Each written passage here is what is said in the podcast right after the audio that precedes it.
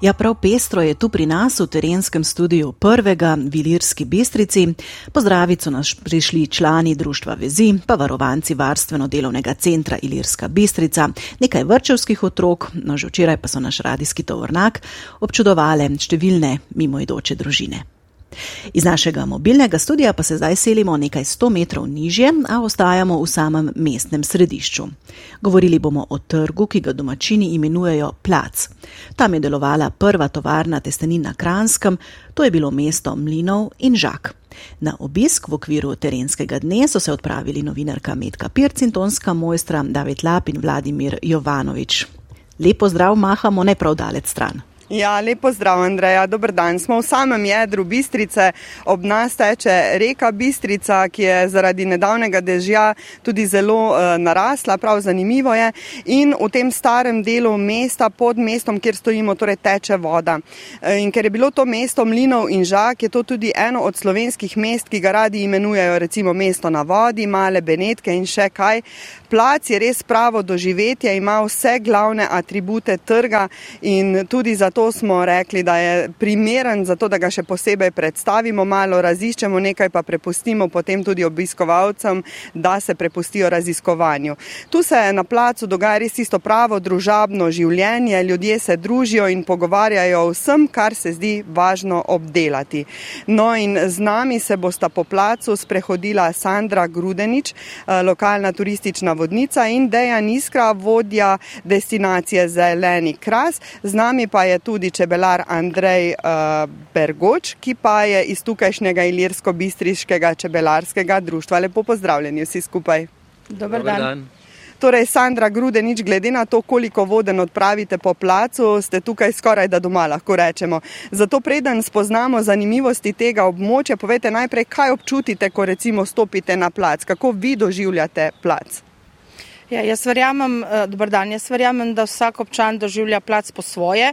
Jaz osebno sem zelo senzibilen človek in plac doživljam v smislu pozitivne energije, zato ker eh, je obkrožen z vodo. Jaz osebno čutim vodo, na njej stojimo, ker je pod asfaltom, za vsakim vogalom je, pa če na točka miru in pozitivne energije, čeprav seveda plac ni nikdar miren, kot ste rekli, je ogromnih dogajanj, čuti se pridih zgodovine, seveda zmeraj manj turiste in veliko vodenj in zato sem mogoče še bolj povezana s to zgodbo od samega placa že od davnine. Ja, res je zanimivo, kako voda tukaj vse povsod teče, prav pomirjujoče je stati v mestu, praktično na katerem koli delu mesta, ali na trgu, ali malo nekaj deset metrov stran. No, da je nizka, vi pa ste doma skoraj za vogalom, tudi nekaj deset metrov stran. Rečete placu Titov trg uradno, ampak pravite, da v Ilirski bistrici nihče ne bi vedel, kam mora priti, če mu rečemo na Titov trg. Ne, to je res. Ne. Eh, domačini tukaj vsi rečemo, gremo na plac. Eh, na placu se odvija sejem, na placu je, kot je Sandra omenila, eno tako središče družabnega življenja s knjižnico, z gostilnami, z par trgovincami.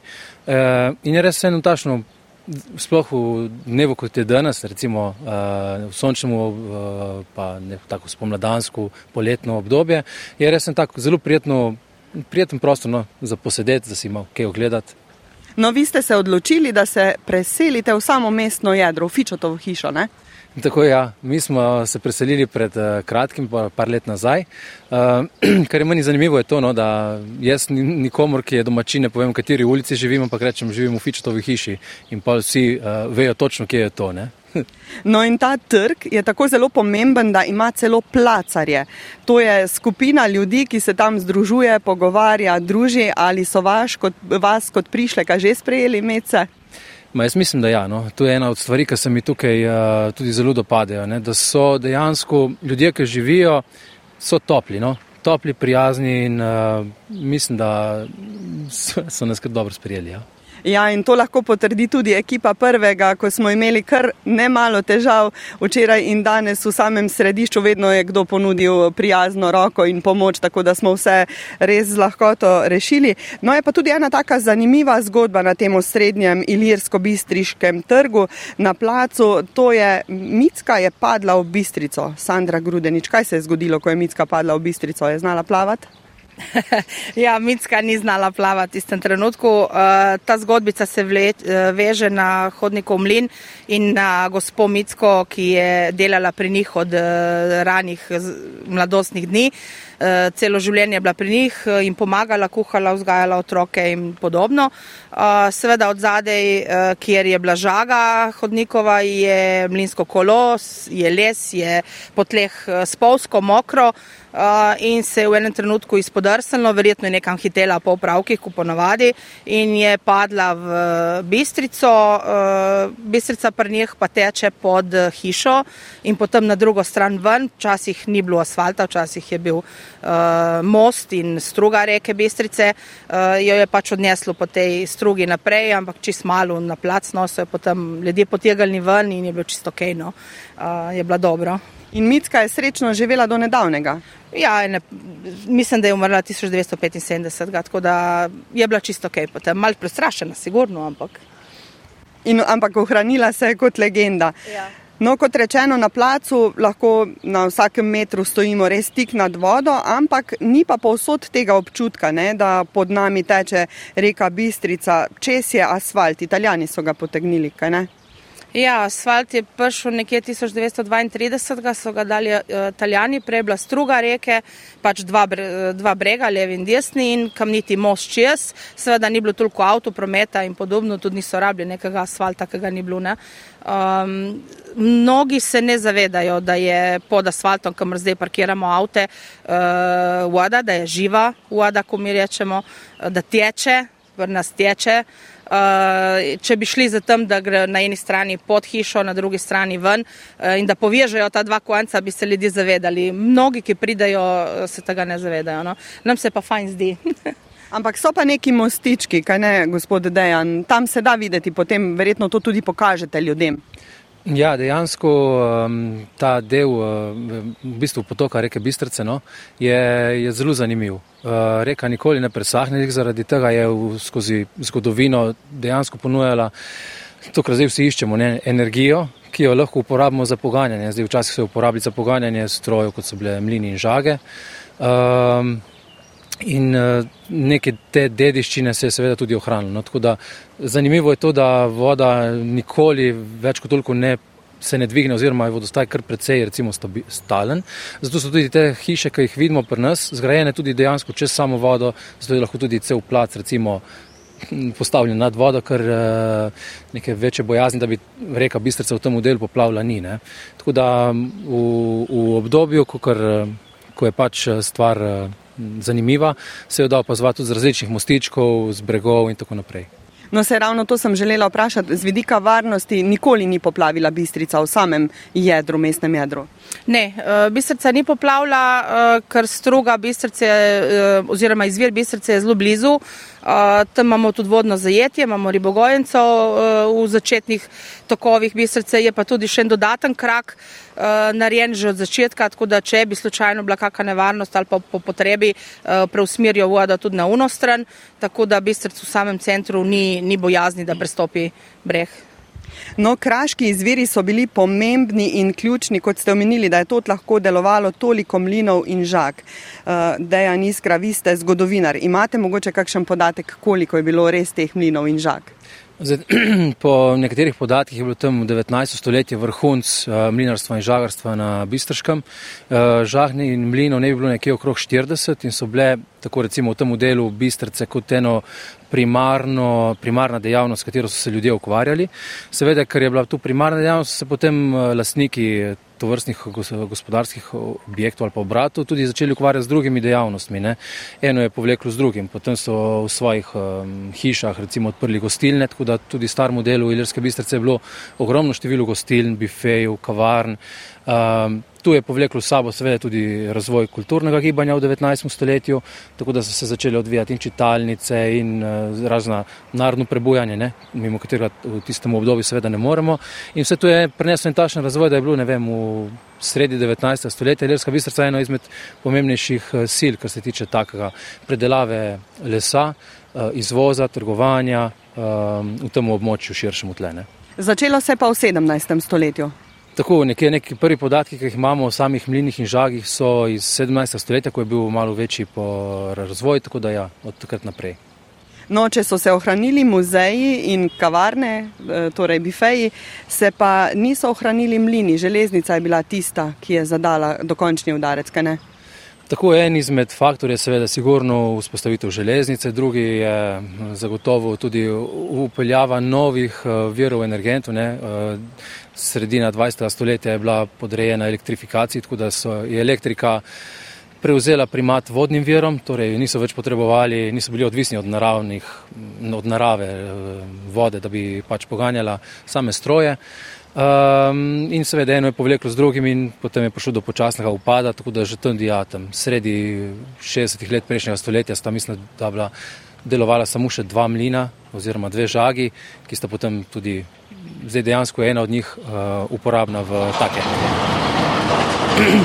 Ja, tudi to je del javljanja, nujna dela, ki jih je potrebno izvesti tudi v tem času.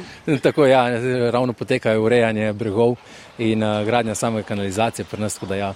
Uh, Če bi bili z nami, bi lahko še to doživeli zraven, vsaj preko radijskih valov. Uh, Torej, mlini so šli v pozabo, ampak hodnikov mlin pa je eden od tistih, ki pa je preurejen v muzejsko zbirko in se je uspel ohraniti, kaj ne, gospa Sandra Grudenič, lahko si ga ogledajo vsi obiskovalci, ki pridejo v Ljersko bistrico. Ja, seveda, lahko si ga ogledajo, samo je potrebna vsaj najava mal prej, da se uh, dobijo ključi, da ga odpremo.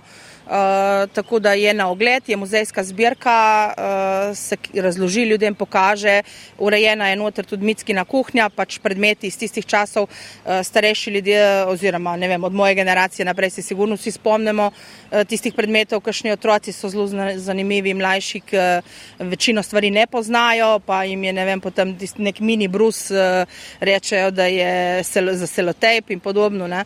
tako da ja, se da vse pogledati. No, in že samo mlinsko kolo je recimo zanimivo videti tudi za me, čeprav se tokrat ni vrtelo, potrebno je dvigniti zapornico.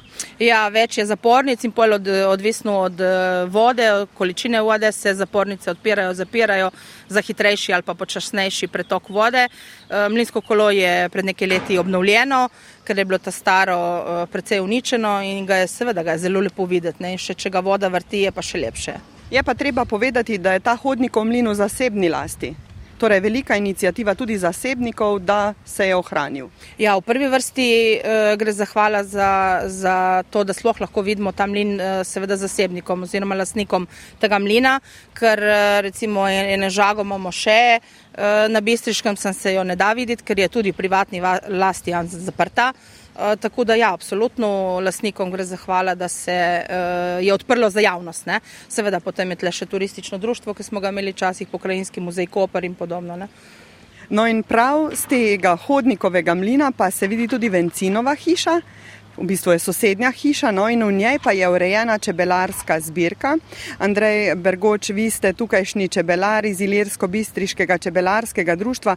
Povejte, kaj prinaša zbirka? Anton Žnidršič je bil zelo pomemben čebelar, od tu je izhajal in je v bistvu ponesel uh, sloves tukajšnjega čebelarstva v svet, lahko rečemo.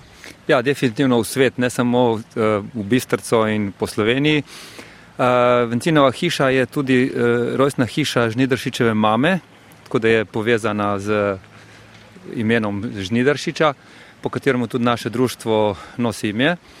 Uh, Žnidršič, ja, on je bil uh, inovator v čebelarstvu, on je deloval v tistem obdobju, ko se je globalno dejansko dogajalo puno inovacij, dogajale so se razvoji panjev in on je bil tle kar nek gonilna sila, da rečem, ki je ogromno eksperimentiral, eh, študiral je vso tujo literaturo, ki je bila na razpolago in potle je na račun eh, teh znanj, ki jih je dobil, eh, začel razvijati in razvil pan, a že pan, kot ga danes poznamo, se pravi ta Alberti Žnidršičev pan. Napačno si tolmačimo, da je to samo Žnidršičev pan. Ne? Po italijanskemu kolegu je dobil ja. navdih. Kar je določene stvari tega Albertevega panja pokoristil in uh, potem nadgradil, izboljšal in naredil ta svoj panj, uh, ki ga zdaj vsi imenujemo AŽ ali pa Žnidršičev panj. No. To je res tak slovenski tradicionalni pan, ki pa je prilagojen našim razmeram. A lahko za vse, ki nismo čebelari, pa imamo radi met in čebele, poveste, kaj je posebnost tega panja, kaj to pomeni, da je prilagojen. Ja, prva posebnost je ta, da se ga lahko da eh, lepo skladati v skladovence, eh, da se ga da enostavno prevažati. Eh, zelo je primeren za naših krajih, za Žindršič je zelo dobro poznal tudi kransko sivko. In ta panj je pa prilagojen temu, da spomladi čebele drdijo hiter razvoj, se lepo razvijajo in posledično tudi dobimo kvalitetne, kvalitetne medove in pa se da kvalitetno in maksimalno izkoristiti razpoložljive paše, ki so pri nas uh, precej kratkotrajne. Ne? Se pravi, kamorkoli se pelje čebele na pašo, je tisto pašno obdobje do 14 dni in to je to. In tizmo cajt je treba izkoristiti, kar, kar nam narava ponuja. No, ravno to sem želela vprašati. Paša tukaj na Ilirsko-Bistriškem je malce posebna, tako kot drugod po Sloveniji, tako da vaš med ima kakšen okus? Ja, naš med je različen. Zdaj, če imamo nekje samo stacionarni čebeljak, pa dobimo tisti cvetlični, lep mešan med. Uh, izbor oziroma nabor vseh razpoložljivih uh, cvetlic, nektarja in mane, ki, ki, ki nam nekje čebiram v dometu, na katerem pasajo. Uh, drugače pa, kot že Žnidaršič sam je že v začetku, tam 1900, takoj pa, pa tudi že prej, uh, bil znan po tem, da je prevažal čebele, uh, celo zna, vlak je znal najet, pa z vlakom peljati čebele do Vojvodine, tako da tudi mi se trudimo, da pač eh, premikamo naše čebele in lovimo, kar nam, kar nam narava ponuja. Trenutno eh, imamo eh, v Bistrci imamo eno zadnjih akacijevih paš, najbolj pozno akacija cvete. Najbolj sladek med? Najbolj sladek, ja, pa najbolj takega blagega, neizrazitega okusa. Recimo čisto, čisto nasprotje kakšnimi dobrimi kostanjevimi medi. Tako, je pa Ilirska bistrica in vaše društvo v bistvu edini kraj, kjer ste postavili v krožišču čebeljak, mislim, da ste rekli štir, pred štirimi leti. Ja, nekaj takega nazaj se je v sklopu urejanja krožišč eh, postavilo tudi čebeljak, maketo čebeljaka. No. Zanimivost te makete oziroma tega čebeljaka je po tem, da so v njemu dejansko eh, še originalni žnidršičevi panji. Prav, čisto ta pravi. Čisto ta pravi. Eh, pani, s katerim je Žnideršič dejansko uh, čebelaru. Izjemno zanimivo. No, Anton Žnideršič pa je tudi vse, kar je zaslužil s čebeljarjenjem, dobro naučil naprej. Odprl, od, odprl je namreč tovarno testenin in prav na tem osrednjo ilirsko-bistriškem placu, ampak več o tem v drugem delu našega oglašanja. Zdaj se z, glasbo, z glasbe na vodi selimo uh, glasbo, na glasbo v studio. Evo, Društvo mrtvih pesnikov, skupina iz Novega mesta, no mi pa smo na drugem koncu Slovenije, ostajamo pa bolj na jugu, v Ilirski bistrici smo in vodaj prvi na obisku raziskujemo plac oziroma staromestno središče. Medka Pirc izvoli. Ja, v samem starem mestnem jadru Ilirske bistrice smo blizu tudi našega mobilnega studia. V Ilirski bistrici je vse le lučaj stran nekaj deset metrov levo in desno, pa lahko vidimo v bistvu vse. Že smo govorili o mestu na vodi in mlinih in žagah, ki so nekdaj tod dajali kruh, no njihov nekdani župan Anton Žnidršič pa je najbolj poznan po čebelarjanju. Povedali smo, da je vz dobiček od inovativnega čebelarjanja dal pa v tovarno testenin. Zato zdaj Andreja Bergoča sprašuje, sprašujem čebelarja, kako donosno je čebelarstvo danes, bi si lahko privoščili investicijo v tovarno testenin, tako kot takrat Anton Žnidršič. Ja, se bojim, da ne. Zdaj, sicer Žnidršič je v tizmu cajtu na svojem vrhuncu čebelaru z okrog 500 panji, kar je še tudi za današnje poklicne čebelarje lepa številka, zavidanja vredna. Vse uh, trudimo čebelari sicer, da bi povzdignili vrednost uh, slovenskemu medu, katerega po mojem skromnem mnenju pre, še premalo cenimo, uh, ker se ga jemljemo samo po sebi umevnega. Ne? Pa ne tako, ker slovenski med je res kvaliteta. Kvaliteta meda je posledica tudi ažepanja, v primerjavi z nakladnimi panji, lahko na istem pasišču uh, Se pravi, če čebele so na isti paši, pa če blarmo z ažepanjem ali pa z ameriškim nakladnim panjem, lahko iz ažepanja potegnemo višjo kvaliteto meda. Samo en stavek, a že pan praznuje letos obletnico. Uh, mislim, da je čez dve leti bo stoletnica izdaje knjige, a že pan, moj, naš pan, ki ga je Žnidaršič knjigo napisal. Uh, prve omembe v njegovega razvoja tega panja so se pa že od 1909 začele v revijah čebelarskih strokovnih pojavljati. Tako da mislim, da je obletnica bo leta 25 ampak pojemo pa zagotovo veliko medu, slovenci smo v samem vrhu, pa tudi testenin. Tukaj v Ilirski bistrici je nastala prva tovarna testenin na Kranjskem. Pekatete se je imenovala, lahko jo vidimo tudi na tem osrednjem trgu na placu. Kaj ne, Sandra Grudenič? Ja, sam za vogalom bi, bi rekli. Uh, 1899 je Žnidešič osnoval uh, tovarno. Uh, on je bil ne samo čebelar, seveda je zelo, zelo sposoben in podjeten človek in je imel mnogo uh, dejavnosti. Uh, tovarna je delovala odlično. Pač v nekem trenutku, ko so prišli na, v naše kraje Italijani, se je on in njegova družina Um, nekako so se počutili zatirano, pač težave so se začele. On je leta 1925 osnoval podružnico v Ljubljani, to je današnje žito. Leta 1930 se je pa popolnoma preselil in tukajšnjo tovarno testenin prodal. Ki je delovala do leta 1937, ko se je zgodil en zelo velik požar, uničil vse, Eh, da bi se to pač kasneje eh, pač proizvodnja zatrla, no? se je preusmerila v druge vode. Kje vse pa so jedli testenine, ki so nastale v Ljerski bistrici? Ajo, vse posod okrog in daleč čez lužo. Mi, rek, mi ne rečemo na bistriškem testenine, ampak rečemo pašta, ker smo blizu vpliva Italije no, in nam je vse pašta. Tako da uh, vse posod je šla, seveda dejan iskra. Ja, morda še ena taka manjša zanimivost. Ne? Včasih so kar precej oglaševanja uporabljali, oziroma so za oglaševanje svojih artiklov uporabljali v samih uh, časopisih in so kovali tudi take zanimive rime. Ne? In ena izmed njih, ki se je navezovala na PKT, je bila: Jedi s PKT je boljša kakor med. Kar je uh, zanimivo, ker povezuje dve dejavnosti, s katerimi se je Žnidošič ukvarjal, torej med in čebelarstvo in uh, sama pašta oziroma testenine. No, mimo nas ravno kar gre, gredo šolari, kot pravimo v Ilirski bistrici, je vse blizu in vsi se slej kot prej srečamo. No, testenine iz te tovarne pekatete torej niso šle samo v slast, ampak tudi v nos. Ravno zato je tudi nastala ta ljubljanska podružnica. Ja, tako 30 leta so bila na tem območju, tudi tako zgodovinsko gledano, eno precej burno. Um, kulturno-narodnostno um, območje zaradi razdelje, razdeljenosti oziroma vključenosti v kraljevino Italijo in na drugi strani uh, večinskim slovenskim prebivalstvom.